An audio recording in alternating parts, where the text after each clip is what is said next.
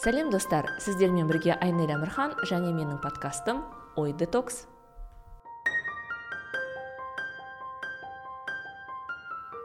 Мен өздеріңізбен подкастымның 12 эпизодында қауышып отырмын. Барлықтарыңыздың дендеріңіз сау төрт көздеріңіз түгел көңіл күйлеріңіз қалыпты деп ойлаймын. Уақыт тауып менің подкастыма қосылғандарыңызға рахмет. Ал енді уақытты созбай кезекті эпизодымның кезекті қонағымен таныстырайын. Сонымен бүгін менде қонақта қазақстанда парламентшілдікті дамыту қорының директоры баталова зауреш қабылбековна. Зауреш қабылбековна жалпы сіздің өмір жолыңыз мен үшін өте қызықты. Мысалы сіз қарапайым бастауыш мектеп мұғалімінен сенат депутаты одан қалса оппозициялық партияның белді мүшесіне дейін қызмет атқарған адамсыз. Осы ретте әңгімені өзіңізбен арыдан бастағым келіп отыр. Жалпы саясатқа қалай келдіңіз?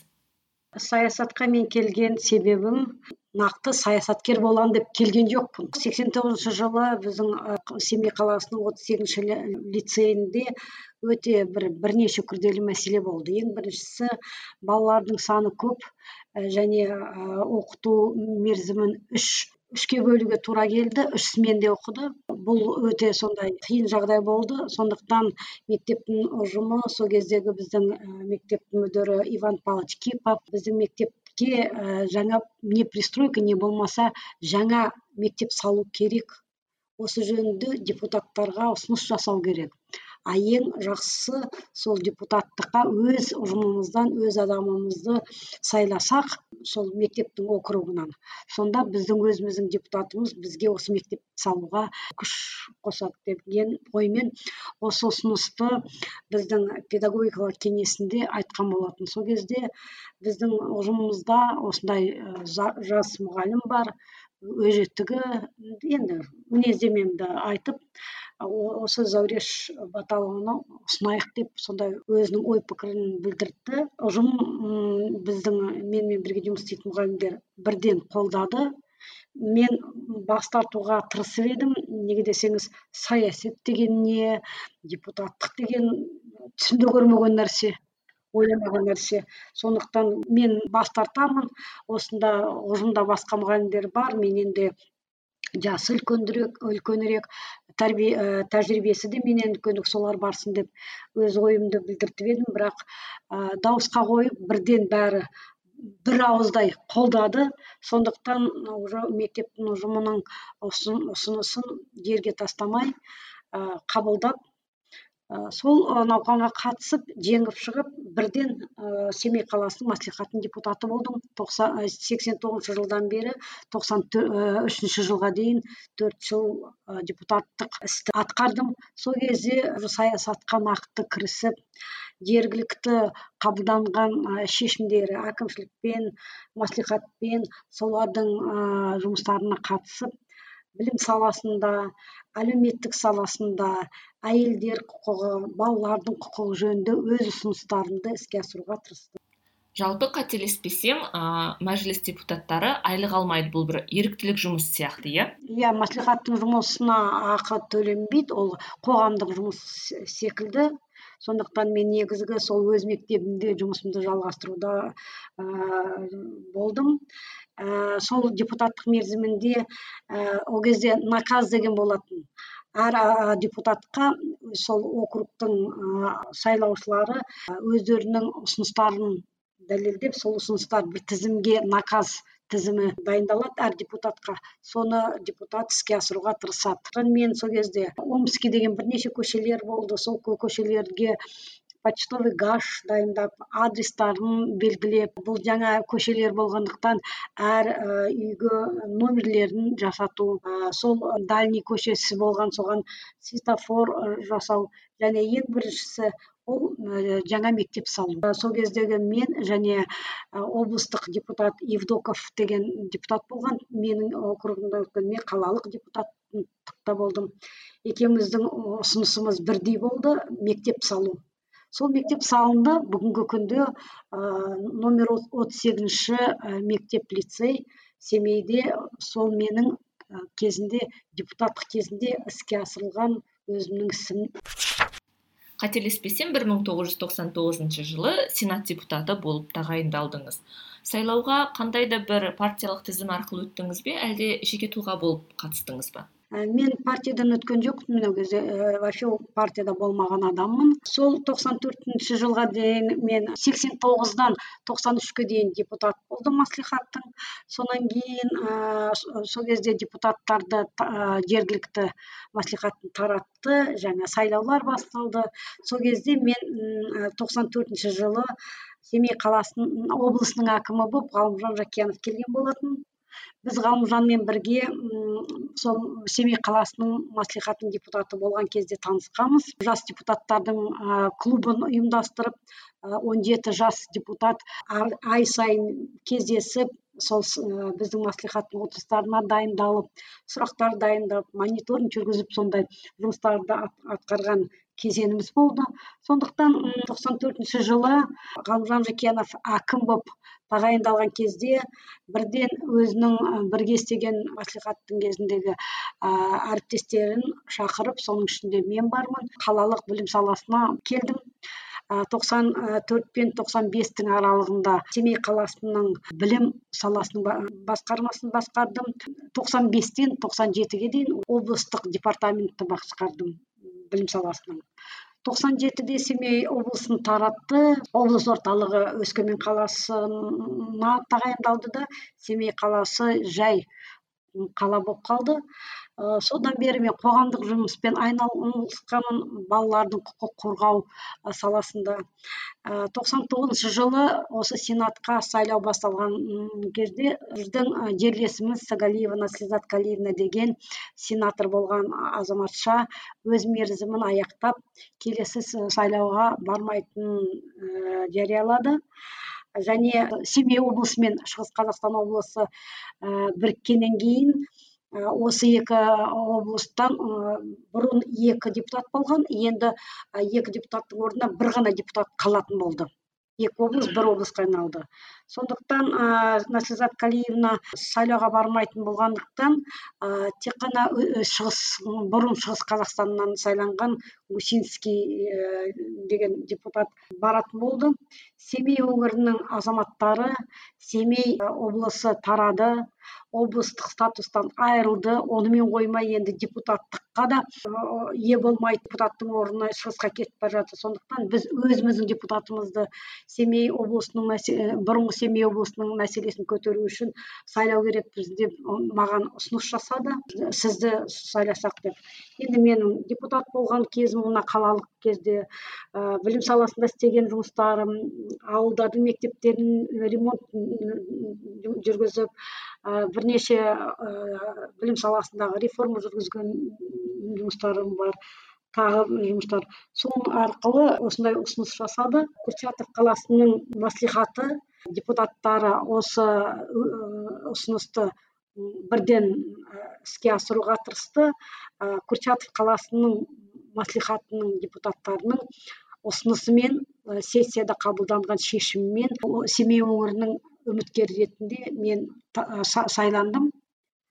Сондықтан мен ылғи курчатов қаласының маслихатының депутаттарына өзімнің рахметімді айтып жүремін және бүкіл семей облысының бұрынғы және шығыс қазақстанның бар депутаттары ә, маған көпшілігі қолдап сол сексен тоғызыншы жылы сайлауда маған сенім білдіріп мен ол кезде енді мұғалім деп айтуға болады ғой білім саласын басқарсам да.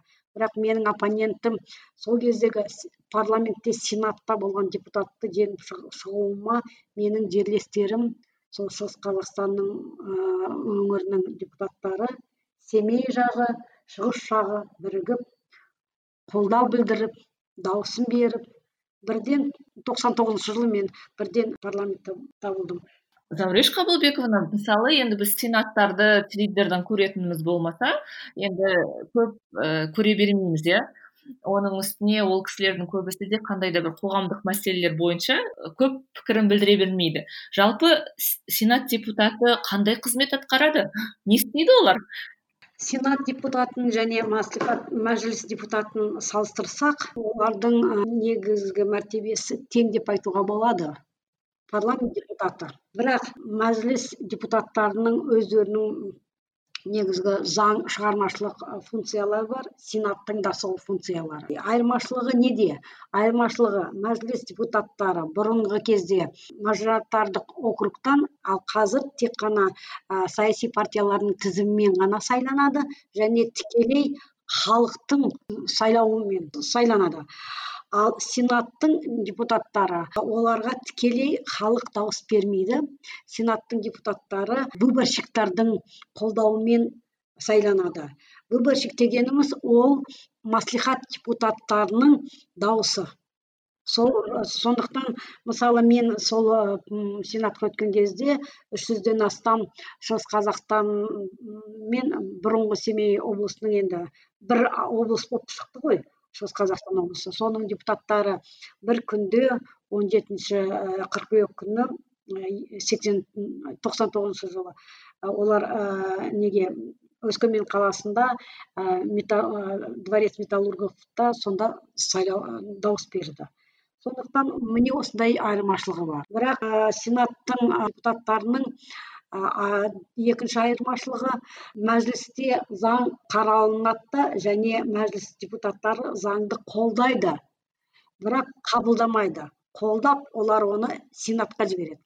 Сенат мәжіліс қолдаған заң сенаттың депутаттары оны қарастырып екінші қадам бойынша олар сол заңды қабылдайды. Бірақ ә, мәжілісте ә, депутаттар партиядан сайлаған сайлағандықтан бізде ә, парламентте оппозициялық партиялар жоқ.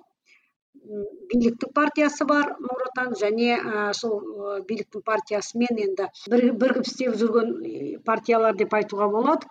Жуырда оппозициялық партиялар туралы заң қабылданса әлі нақты оппозициялық институт бізде қазақстанда өте жақсы құрылды деп айта алмаймыз.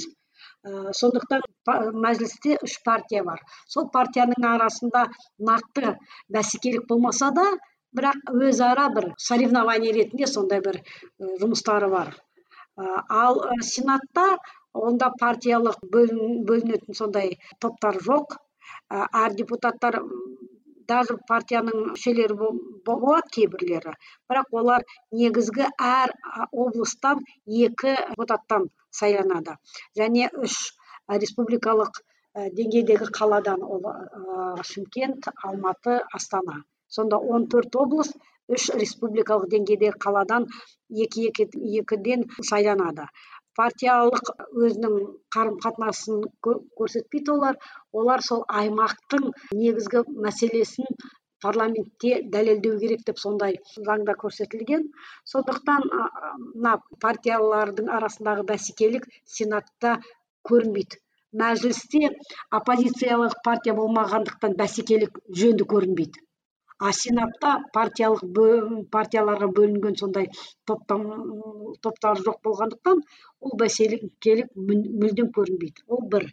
Екіншісі сенаттар өздері жоғары палата болғандықтан мен есімде мен сенатта өзім алты жыл депутат болған кезде депутаттық сауал жасап баспасөз маслихаттарын өткізіп қоғамдық ұйымдардың дөңгелек үстелдеріне қатысып ә, жүрген кезімде маған бірнеше рет біз сенатпыз бізге дауыс беретін ә, маслихат депутаттары біз тек қана солармен ғана кездесу керекпіз халықпен кездесу керек жоқ деп сондай бір ұсыныс ойларды айтуға тырысқан болатын бірақ мен оған қарамастан маслихаттың депутаттары бізге дауыс берсе де бірақ олар тек қана сайлау функциясын ғана атқарды.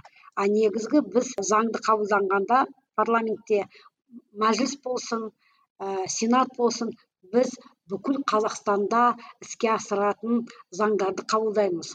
Сондықтан біз бүкіл әр қазақстанды әр қазақстанның проблемаларын сол заңдарға енгізіп солардың шешетін жолын табу керекпіз деп сонда өз ойымен ұстанып жүрген мен өзім.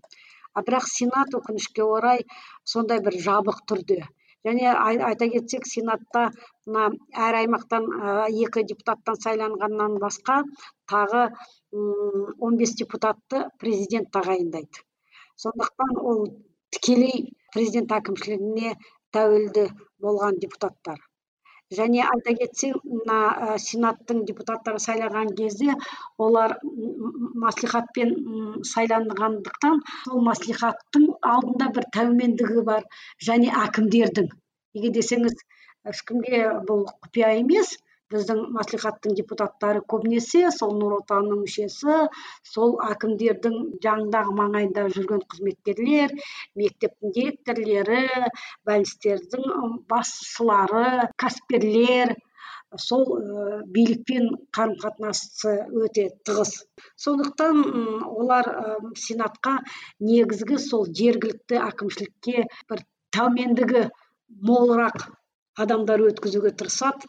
Мысалы мен парламентте болған кезде сайлауда барлық аймақтарда барлық депутаттар бір бір кандидат қана өткен. Бәсекелер болмаған. Әр аймақтан бір кандидат болған сол кандидат өткен. Тек қана қарағандыдан уәлихан қайсаров сол кездегі депутатты жеңіп шығып келді. И шығыс қазақстаннан мен жеңіп келдім. Сонда біз екеуміз ғана бәсекелік арқылы сол парламентқа сенатқа келдік. А қалғандары уже ә, бәсекеліксіз келді. Десек те сіз ә, сайлауға түскен жылдары қателеспесем партиялардың қатары көп болған.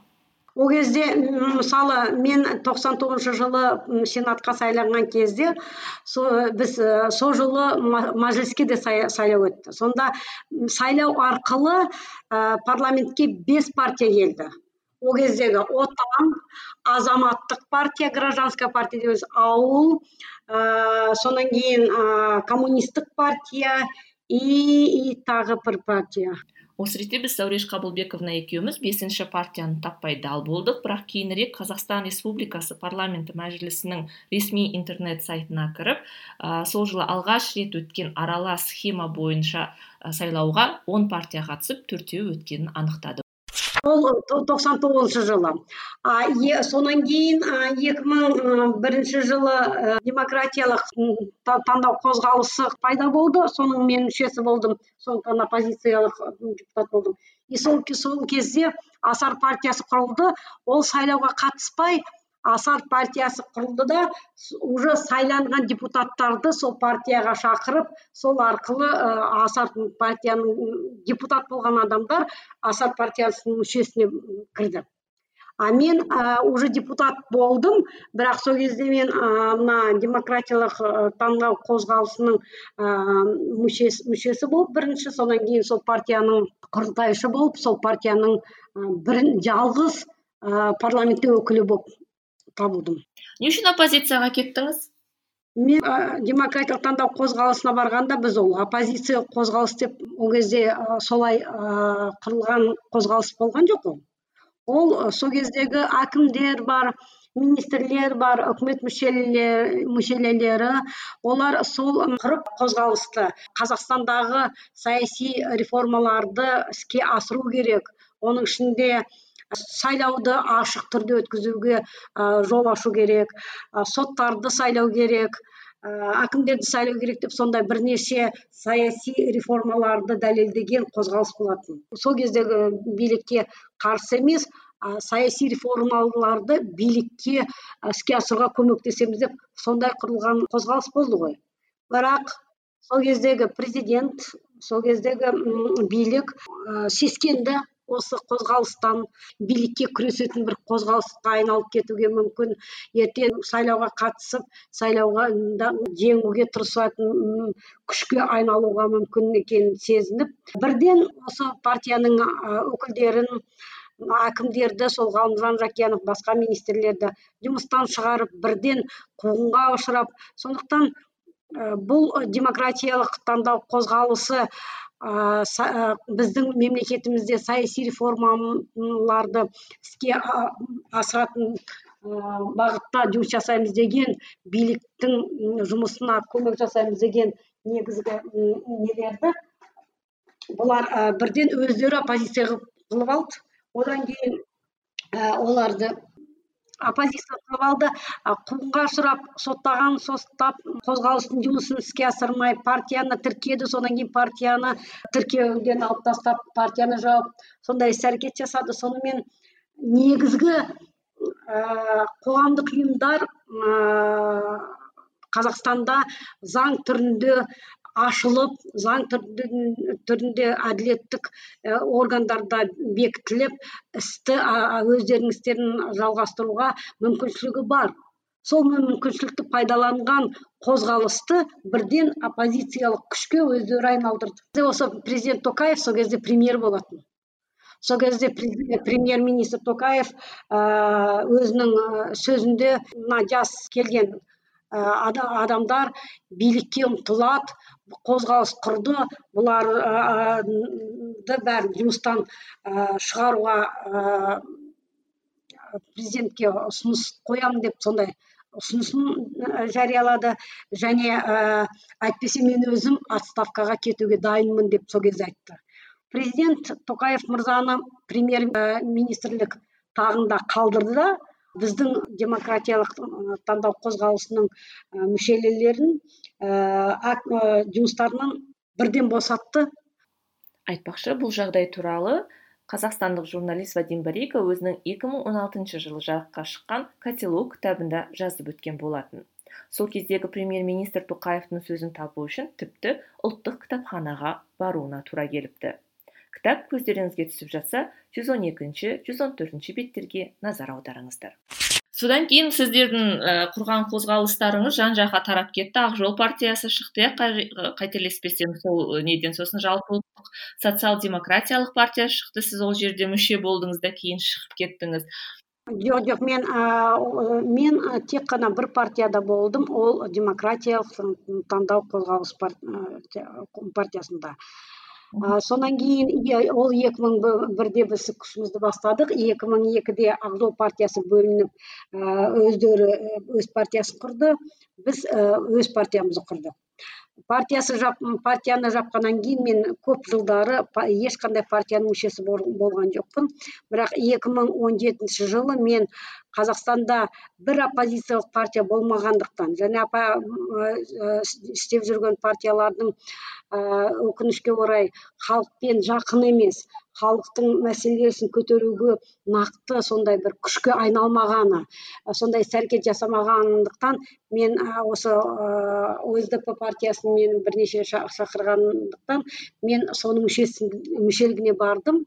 он жеті мен он сегіздің арасында бір жылдай болдым да шығып кеттім. Неге десеңіз бұл партия оппозициялық партия бола алмайды. Бұл партия ешқандай жұмысты нақты жасамайды. Халықпен ешқандай жақындығы жоқ.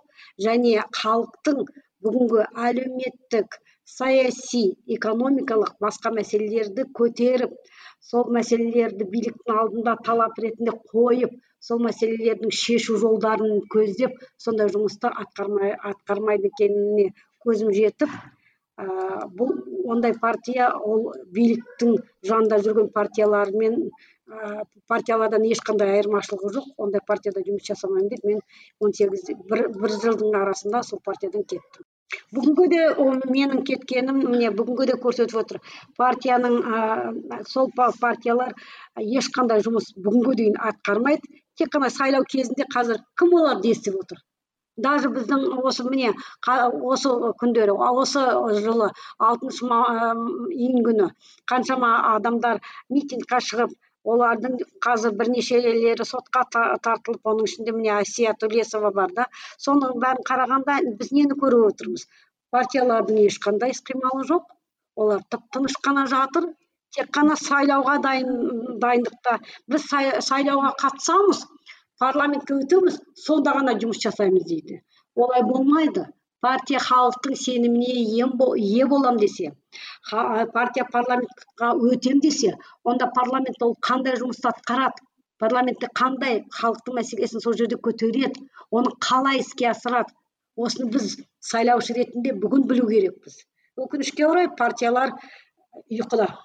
Сонда жағдай өзгеру үшін сіздің пікіріңізше не өзгеру керек? билік өзгеру керек па? адамдардың санасы өзгеру керек па? ең бірінші адамдардың санасы өзгеру керек.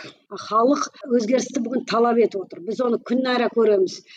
Көп балалары бар аналар баспанасыз жүрген әулеттер жастар қаншама бүгінгі мүгедектер қаншама әлеуметтік жағдайы төмен топтар бүгінгі күнде мына биліктің саяси шешімдерімен келіспей олардың іске асырып отырған бүгін заңдары қабылдаған қаулылары бүгін халықтың көңілінен шықпай отырғанын дәлелдеп наразылық білдіруде. Сондықтан осы топтар бүгінгі күнде саяси күштерге айналу үшін оларға партия тіркеуге мүмкіншілік болса мүмкін сондай партиялар табылушы еді. Ал бірақ өкінішке орай ондай бүгін жағдай жоқ. Және ә, мысалы біреулері өз мәселесін көтереді баспанасыз жүрген адамдар. Қалғандар оны қолдамайды. Сонда меніңше әр әлеуметтік саланың әр топтары бірігіп қазақстанда саяси нақты реформаларды талап етуге үйрену керек. Және билікке ә, халықтың қалаулары билікке халықтың сөзін сөйлейтін халықтың проблемаларын білетін және билікте бетпе бет осы проблемаларды айтып жауап беруге негізгі талап қою білетін ә, сондай бір адамдар керек. Сондай адамдар парламентке келу керек. Сондай адамдар заң қабылдағанда негізгі халықтың мәселесін сол жерде айтуға мүмкіншілік алу керек. Сондықтан саяси партиялар ғана бүгін сайлауға қатысатын мүмкіншілік алғандықтан бүгін осындай саяси партиялар керек. Сондай партияларды ә, тіркеуге сондай партиялар арқылы парламентке өтуге ә, халық үйрену керек. Бұл біздің конституцияның отыз үшінші бабында көрсетілген. Өкінішке орай біздің көбі ә, билікке қажеті керек жоқ ұмтылуға билікке ұмтылған адамдар ол оппозиция оппозиция деген ол бір жаман сөзге айналып кетіп бара жатыр айналып кетті соңғы кезде.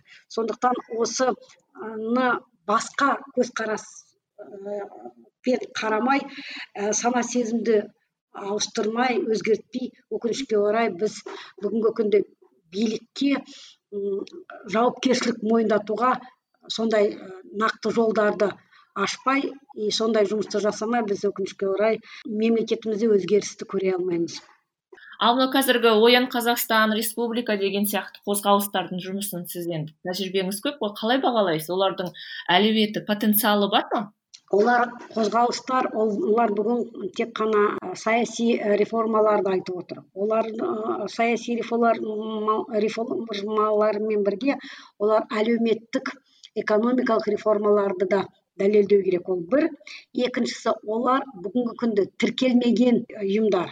Екі және тіркелсе де мысалы олар қозғалыс ретінде қоғамдық ұйым ретінде тіркелсе де олар саяси науқанға қатыса алмайды. Саяси науқанға тек қана саяси партия қатыса алады. Ол қазақстанның заңдарында көрсетілген. Сол маслихатқа сол мәжіліске барам десе біздің азаматтар саяси партиялардың тізімі арқылы ғана сол сайлауға қатыса алады. Сондықтан бұл ә, бүгінгі күнде пікірталас жүргізуге. Қазақстанда қандай реформалар болу керек? Соған өз ой пікірін жеткізуге. Ә, халықты біріктіріп халықтың арасында саяси ә, білімін ағарту жұмысында бұлар өте жақсы жұмысты қазір жасап жатыр. Бірақ билікке келу ол сайлау арқылы келу жолы сол жолға олар бүгін қол, қолдары қысқа. Жақында ә, саяси партиялар туралы заң ә, екі заң жобасы мақұлданды иә қателеспесем. Ол жерде ә, партиялық тізім бойынша саяси партиялар тіркеу үшін мүшелер санын қырық мыңнан жиырма мыңға төмендету туралы қаулыға қол қойылды және саяси партиялардың депутат болудан үмітті адамдар тізімінде әйелдер мен жастардың үлесі отыз пайыз болуы тиіс. Деген ә, ойлар болды. Жалпы әйелдер үшін квота енгізу қаншалықты дұрыс деп ойлайсыз? Ең бірінші мына қырық мыңнан жиырма мыңға дейін түсірген ә, заң ол ешқандай жеңілдік білдіртпейді. Басқа нормалар сол саяси партияларға арналған заңның өзгерту көрген жоқ. Сондықтан партияны тіркеу және партияның жұмысын ұйымдастыру ә, нормалары әлі өте қатал. Сондықтан саяси партиялық өзара партиялардың араларында бәсекелік жүргізуге өте қиын. Бүгінгі күнде қазақстанда партия тіркелсе ол тек қана билікпен келіскен биліктің рұқсатын алған биліктің қолдауына ие болған және ертең биліктің жалауын көтеретін партия болады деп мен санаймын. Ол бір. Ә, жаңа партия келу үшін ол жаңа бір демократиялық оппозициялық күш болу үшін сондай мүмкіншілік жасайтын ә, заң керек. Оппозиция деген ол билікке қарсы жұмыс жасайтын заңды ә, түрде заңды жасайтын күш болу керек. Ол халықаралық тәжірибе сол тәжірибені қазақстанда енгізу керек. Оппозиция дегенді жаман сөзге айналдырып оппозицияны қуғын арқылы тоқтатып соттап жүрген ол демократияға жатпайды ол адам құқығын қорғау жолында да осыған жатпайды. Сондықтан бүгінгі күнде саяси партияларға арналған заңды өзгерту керек. Екіншісі әйелдер ә, тізімі және жастар тізімін айта кетсек бұл бүгінгі күнде тағы мәселені шешеді деп мен ойламаймын. Не себеппен? Неге десеңіз біздің сайлаулар жабық партия тізімімен өтеді. Оны қалай түсінуге болады? Бұрын сайлауға қатысқан адамдар сол соңғы сайлауда алайық. Не болмаса келесі жылы сайлау болса сол сайлауға қатысатын адамдар нені көреді сайлау учаскесіне келгенде? Сонда олардың алдында бір ғана бюллетень болады сол бюллетеньде адамның фамилиясы болмайды. Оның ішінде тек қана партияның атауы ғана болады. И а, қазақстанның азаматтары тек қана партияларға ғана дауыс береді. Сол тізімде неше партия бола алады сол партиялардың біреуін таңдап бір партияға дауыс береді. Ол бір.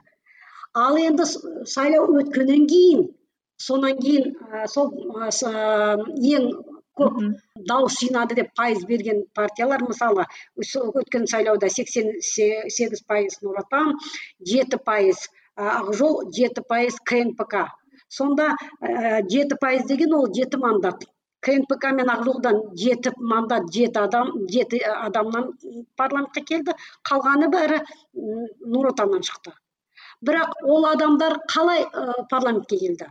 Сайлау өткеннен кейін сол партиялардың басшылары бюро өткізіп бюрода өзінің тізімінен кімді өздері таңдады соны парламенттің тізіміне енгізді. Сондықтан бұл халықтың қалаулы болып саналмайды меніңше. Халық тек қана партияларға процентті жинап бердік былай айтсақ. Ал сол адам ретінде сол партиядан қандай үміткер барады? Оны ашық партиялық тізімі арқылы шешуге болады. Сонда мысалы мына демократиялық мемлекеттерде қарасақ оларда сайлау қалай өтеді?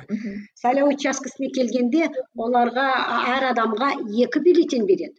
Бірінші бюллетеньде партиялардың тізімі екінші бюллетеньде осы ә, және осы бюллетеньге қосымша бірнеше қанша партия ә, тізімде бар соншама тізім береді. А сол партияның мүшелерінің сонда мысалы мен партияның тізімін алып соның ішінде бір партияны өзім қолдаймын. Мысалы мен өзімнің партиямды айтайын демократический выбор казахстана кезінде болған қазір ол партия жоқ қой.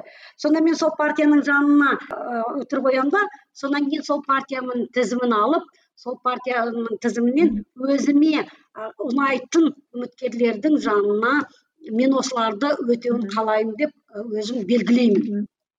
Сонан кейін сайлау өткенде ең бірінші санайды қанша дауыс қай партия алды соның пайызын шығарады. Сонан кейін сол пайызға қарап олардың тізімін қарастырады. Сол тізімде ең көп дауыс жинаған адам бірінші болып тұрады. Екінші солай үміткерлердің тізімін дайындайды. Сонан кейін мысалы партия жеті пайыз алса бірінші тұрған жеті адам парламентке өтеді. Оны бюро тағайындамайды. Вот осындай механизм енгізу керек. А бүгінгі күнде ә, жабық тізіммен өткізетін ә, сайлау ол ә, ондай ә, процедураны көрсетпейді. Сондықтан ә, жастарды сол әйелдерді квота ретінде сайлаудың алдында тізімге кіргізеді. Олардың атымен пайдаланады. Мысалы қазір нұр отанға димаш ыыы құдайбергенді енгізді димашты жақсы көретін ыыы адамдар өте көп. Димашқа дауыс беруге тырысады. Ал бірақ димаш парламентте болмайды меніңше. Мысалы өткен сайлауда қайрат нұртас та болды сол тізімде. Бірақ сайлау өтті қайрат нұртас парламентке кірмеді. Неге десеңіз уже бюрода қайрат нұртасты өткізген жоқ. Сондықтан біз ә, парламентте халықтың қалауы болсын деп оның ішінде жастар болсын оның ішінде әйелдер болсын десек біз ашық түрде дауыс беретін тізіммен сондай рәсімді енгізу керекпіз. Он екінші тамызда сенат сайлауы өтеді. Мен ә, қайтадан он жеті депутат ә, сайланады деп жатыр. Ә, кетіп жатқан депутаттарды қарасам бірін де танымайды екенмін. Неге біздің сенаттар қазір көрінбейді? Неге біз оларды танымаймыз? Бүгінгі күнде парламент жабық. Парламенттің жұмыстарына қатысып жұмыс тобыларының жұмыстарын көріп парламенттің отырыстарында тікелей болып сондай мүмкіншілік алуға өкінішке орай бүгін нақты жолдар ашылмаған. Мысалы халықаралық парламенттерді қарасақ басқа мемлекеттердің. Сол ұлыбритания сол ә, швеция бәрі европа одақтың бәрі парламентіне. Әр азамат қай күнде келем десе қай жұмыс тобына қатысам десе қай пленарлық отырысқа қатысам десе оның соған мүмкіншілігі бар. Бізде қатыспақ түгіл парламенттің маңайына жолауға мүмкіншілігі жоқ. Бүгінгі күнде сол көп балалары бар аналар парламентке депутаттарға барып өз проблемаларын айтам деп барса оларды бір километрға жеткізбей қарсы алып полиция сол парламенттің маңайына жолатпайды және телевизорда көрсеткенде тек қана журналистердің түсірген бейне таспасын ғана көрсетеді. Сондықтан парламенттің жұмысы жабық болғандықтан парламентке ә, есіктері жабық парламенттің жұмысына қатысу мүмкіншілігі жоқ болғандықтан және депутаттар өзі өз жұмысын жандандырып көрсетуге ешқандай қызығушылық білмегендіктен оларды да ешкім танымайды оларды да ешкім білмейді. Және ең күрделі мәселе оларға халықтың алдында жақсы болуға қажеті жоқ. Олар ең бірінші биліктің алдында жақсы болу керек партияның басшыларының алдында жақсы болу керек.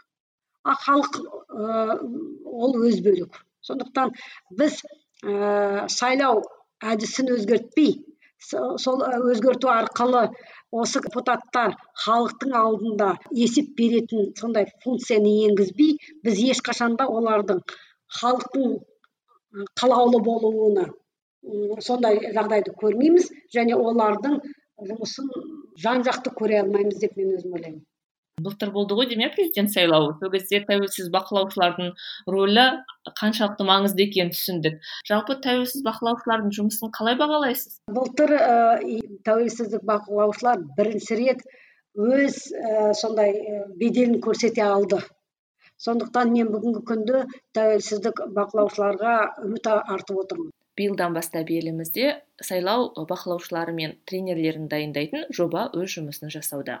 Осы ретте мен жоба мүшелерінің бірі дастан аққожаға хабарласып жоба туралы кішкене ақпарат беруін сұраған едім.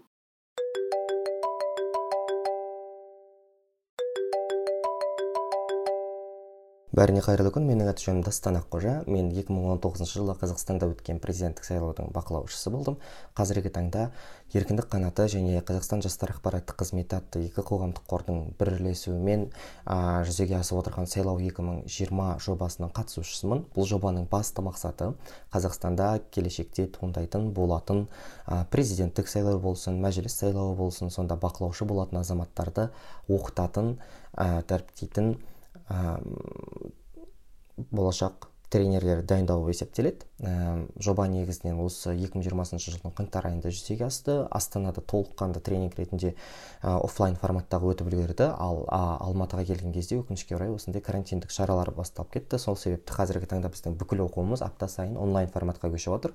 Бұл уақытқа дейін біз ә, қазақстандағы сайлау жүйесі ә, қандай бақылаушылардың құқықтары мен міндеттері қандай ә, сайлау учаскесіндегі болатын жағдайларда не істеу керек болмаса сайлауды әділ өткізу үшін қандай әрекеттер қабылдай аламыз.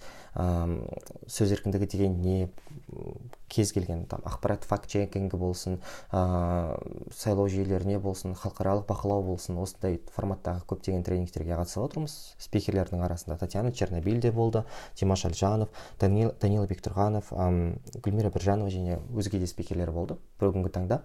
Оқуымыз әлі күнге дейін жалғасып жатыр. Енді ә, тәуелсіз бақылаушы болудың маңыздылығы қандай деген сұраққа жауап берсек біз 2019 жылы қазақстандағы президент сайлауының кейсінің арқасында көп нәрсені түсіндік. Яғни біріншіден ә, қазақстанда өкінішке орай ә, әділ сайлау өткізу мақсатында жүзеге асатын бақылаушыларды дайындау аса қатты жоғары деңгейде емес яғни ол жақта мұрындық болған бір бірең сараң қоғамдық қорларды ғана атасақ болады толыққанды ә, сайлау процесін қадағалаған және ол жақтағы протоколдар бойынша тәуелсіз бағасын берген сайлаудың әділдігін және әділеттілігін жүзеге асырған ә, қорлар да көп бола қойған жоқ өкінішке орай. Бірақ ә, бұл қазақстан азаматтарына деген бір үлкен серпіліс болды. Себебі сайлау процесіне әділетсіз болатын болса оған көне беруге болмайтындығын түсінді. Ал бақылаушылар расымен де ол ә, процестің қаншалықты лас болмаса керісінше таза өтетіндігін ақ қарасын ажыратып беріп халық арасынан шыққан бір белсенді ретінде осындай көрсеткіш ретінде ә, анықтап берген еді. Сол себепті келешекте ә, сайлауға қатысу өте қатты маңызды сайлауда бақылаушы болу өте қатты маңызды. Ә, сайлау 2020 жобасы туралы тағы да көбірек білгісі келетін болса адамдар онда ә, ютубта арнайы біздің бүкіл өткізілген ә, тренингтеріміздің барлығы офлайн онлайн форматта сақталып тұр бейнежазба ретінде. Одан өзге ә, инстаграмда да парақшамызға тіркелсе болады. 2020 сайлау 2020 ол жақта. Келешек тренер тренингтер туралы болатын тренерлердің сөздері цитаталары тұжырымдамалары тағысын тағысы көптеген ақпарат бар. Үм, енді ә, бәріміз де білеміз қазіргі таңда қазақстан республикасында он екінші тамыз күні сенат сайлауы өтеді. Бірақ өкінішке орай бақылаушылар қатыса алмайды. Себебі ә, ол жақта негізгі дауыс беруші адамдардың барлығы қазақстан республикасының азаматтары емес көп тек мәжіліс өкілдері дауыс бергендіктен ол жақта бақылаушының міндеті өкінішке орай төмендетілген. Бірақ ә, бұйырса бір жылдан кейін бізде жоспарлы түрде биліктің айтуы бойынша мәжіліс сайлауы өтеді. Сол жерде бақылаушылар өздерінің қызметін атқарады. Осы мақсатта қазіргі таңда біздің жұмысымыз қарқынды жүріп жатыр деп айта аламын. Себебі алдын ала сонша уақыт бұрын дайындалғанның арқасында қазір ә, қазақстандағы біршама бақылаушы болатын азаматтардың қатарын көбейтетін ә, тренерлердің сапасы арта түсті деп айтсам болады. Себебі бүгінгі таңда ол тек қана сайлау деген қазақстан республикасының сайлау туралы заңы білу ғана емес оның жүзеге асыруын қадағалау ондағы құқық міндеттердің барлығын білу және ол құқық міндеттерді орынды дұрыс және ең бастысы өнімді түрде талап ету. Ә, 2019 жылдың мысалының арқасында біз қазіргі таңда ол ә, заңнаманың өкінішке орай толыққанды жүзеге асып жатқандығын дәлелдей алмаймыз кепілдеме бере алмаймыз. Себебі көптеген ә, бақылаушылардың тарапына деген құқықтық бұзушылықтардың барлығы тіркелген болатын. Сайлау барысында көп бақылаушылардың барлығын қуды. Болмаса қарапайым ә, конституциялық заң ә, жүзінде бекітілген құқықтарын жүзеге асырмаған еді. Себебі мен өзім де бақылаушы болған кезінде менің сайлау учаскемде маған протоколымды бермеген ә, менің актілерімді протоколға тіркемеген және де бір күннің ішінде тіркелген бүкіл ә, заңнамалық тұрғыдағы құқық бұзушылықтардың барлығын жоққа шығарған. Ал кейін ә, орталық ә, сайлау комиссиясы қазақстанда тек қана бірең сараң ғана ә, кейстер тіркелді деген болатын. Заң бұзушылығына байланысты сайлау барысындағы бірақ өкінішке орай ол олай емес. Расында да тәуелсіз бақылаушылардың көбісінің протоколдары қабылданған жоқ. Және де бүгінгі таңда осылай ұзақ уақыт бұрын ә, дайындық өткізу осы себептер өте қатты маңызды. Себебі біз сайлау барысында қысқа уақыттың ішінде ғана өзіміздің толық міндеттерімізді атқарып қана қоймай өзге адамдар да өз міндеттерін атқаруын қадағалауымыз керек. Ол үшін орасан зор күш білім және ә, дайындық қажет. Ә, осы орайда қазақстан республикасында өтетін келесі сайлаудың барлығына бақылаушылар әзіргі таңда сайлау 2020 жобасының төңірегінде толыққанды дайын деп айта аламын және ол дайындығы апта сайын керісінше нығайып жатыр. Себебі оқу әлі де біткен жоқ және жалғасып жатыр. Осы орайда ә, осы тектес бақылаушыларды дайындайтын және ол бақылаушыларды сауатты дайындайтын жобалардың маңызы меніңше өте орасан зор болып есептеледі. Сіз енді ұзақ жылдар бері саясатта жүрдіңіз одан қалса оппозицияда жүрдіңіз. Енді қазір өзіңіздің қорыңыз бар. Жалпы м көңіліңіз қалай қалмайды? Мен енді подкастым ой детокс деп аталғаннан кейін жаңағы ақпарат ағымында өз ой тазалығыңды сақтап қалу сіз ой тазалығыңызды қалай сақтайсыз? Қалай энергия аласыз осының бәрін жұмыс атқару үшін? Биліктен кеткеннен кейін оппозицияға келген көп адамдар бар. А мен билікте жүріп сол парламенттің мандатына ие болып екі мың бірінші жылы оппозицияға келдім. екі мың бірден екі мың беске дейін төрт жыл парламентте билікте жүріп оппозициялық жұмысты атқардым. Маған бір көмегі бергені ә, мен депутат болғандықтан менің иммунитетім иммунитет неприкосновенности болғандықтан маған тиісе алмады. Ә, сол кезде мен өзім саясаткер ретінде өзімнің ә, имиджімді қалыптастырып өзімнің ұстанымды қалыптастырып үлгердім. Сондықтан уже парламенттен мысалы маған ә, сондай әңгімелер болды. Тоқтатып қайта сайлауға қатысып осы парламентте қалам десең мына оппозициялық жұмысты тоқтатсаң дұрыс болар еді деген бір әңгімелер жүргізуге тырысқан кезде мен айттым. Мен халықтың алдында танымалы болғандықтан халықтың жағдайын айтып жүргендіктен енді мен уже басқаша айта алмаймын екі жүздікке бара алмаймын. Сондықтан мен сол ұстанымды іске асырамын құқық қорғаушы ретінде деп. Міне неше жыл болды парламенттен кеткенмен сол құқық қорғаушы жұмысымды жалғастыру жалғастырудамын. Менің сол кездегі қалыптасқан сол төрт жыл парламентте жүріп қалыптасқан өзімнің ой пікірім өзімнің ұстаным өзгеріссіз. Не маған күш береді. Халық халықтың қолдауы халық мәселелерін келіп айтып сен сенімдік білдіріп және бір кішкентай болса да көмегім тисе соған рахметін айтқан жағдайға жеткенде сол адамға өзіне бір күш береді жігерлік береді. Сондықтан ол бір. Екінші ә, бүгінгі күнде қазақстанда өзгерісті талап етем десең онда өз жұмысыңды нақты бір бағытта жүргізу керек. Ә, биліктің қазақстанда мысалы әлеуметтік жағдайы дұрыс шешіліп ә, мектептерімізде ауруханаларымызда балабақшаларымызда бәр мәселелері шешіліп адамдардың бәр жағдайлары жақсы болса онда билікке қайта қайта сын айтып биліктің алдында талап қоюға не қажет? Бірақ ол жоқ қой бүгін. Сондықтан осыны іске асыруға тура келеді. Бұны біреу айту керек. Осыны депутат болған кезде бұрған бет бұрғаннан кейін бүгін сол сол сол бағытта жұмысымды жалғастырудамын. Рахмет зауриш қабылбековна. Ә, егер қандай да бір қосатыным бар десеңіз қосып кетсеңіз болады. Мен сұрамаған нәрсе айтқыңыз келген нәрсе болса. Қосымша мен айтатын бүгінгі күнді көптер ойлайтын шығар. Э, өзгеріс болмайды. Қазақстанда 30 жыл билеген бір билік енді екінші сол осы биліктің ә, тобынан шыққан екінші президент бір президент 30 жыл басқарды енді екінші президент екінші президент болса да бірінші президент ә, негізгі басқарып отыр. Мына екінші дублер ретінде істеп отыр деген көп мәселені айтады. Мен айтар едім қазақстанда демократия жолда әлі көп мәселелер бар. Ә, бірақ өзгеріс болмайды деп олай ойламау керек. Өзгеріс болады. Өзгеріс болады. Ең бірінші өзгерісті әр адам өз сана сезімінде сол өзгерісті жасау керек. Қазақстан көп халықаралық құжаттарға ратификация жасады. Көп халықаралық ұйымдарға кірді. Өзіне міндетті алды. Сол міндетті орындау керек. Сол міндеттерді орындау үшін біз қоғамдық бақылау біз қоғамдық ұсыныс және қоғамдық жауапты сұрау есеп сұрау ә, механизмдерін үйреніп билікті есепке тартуға үйрену керекпіз. Ең бірінші өзгеріс біз өз сана сезімімізде заңның алдында бәрі тең деген осы ұстанымды ту ретінде ұстау керекпіз. Ол конституцияның он төртінші бабында көрсетілген. Осымен ой детокс подкастының 12 екінші эпизоды тамамдалды аяғына дейін тыңдағандарыңызға рахмет. Егер қандай да бір ұсыныстарыңыз пікірлеріңіз болса маған инстаграм арқылы хабарласып білдірсеңіздер болады. Эпизод ұнап жатса тыңдаған қосымшаларыңызды бағалауларыңызды сұраймын. Бұл менің подкастымның тыңдармандарының қатарын көбейтуге өз үлесін қосады. Саяси сауаттылығымызды арттырып сыни машығымызды дамытайық. Аман сау болыңыздар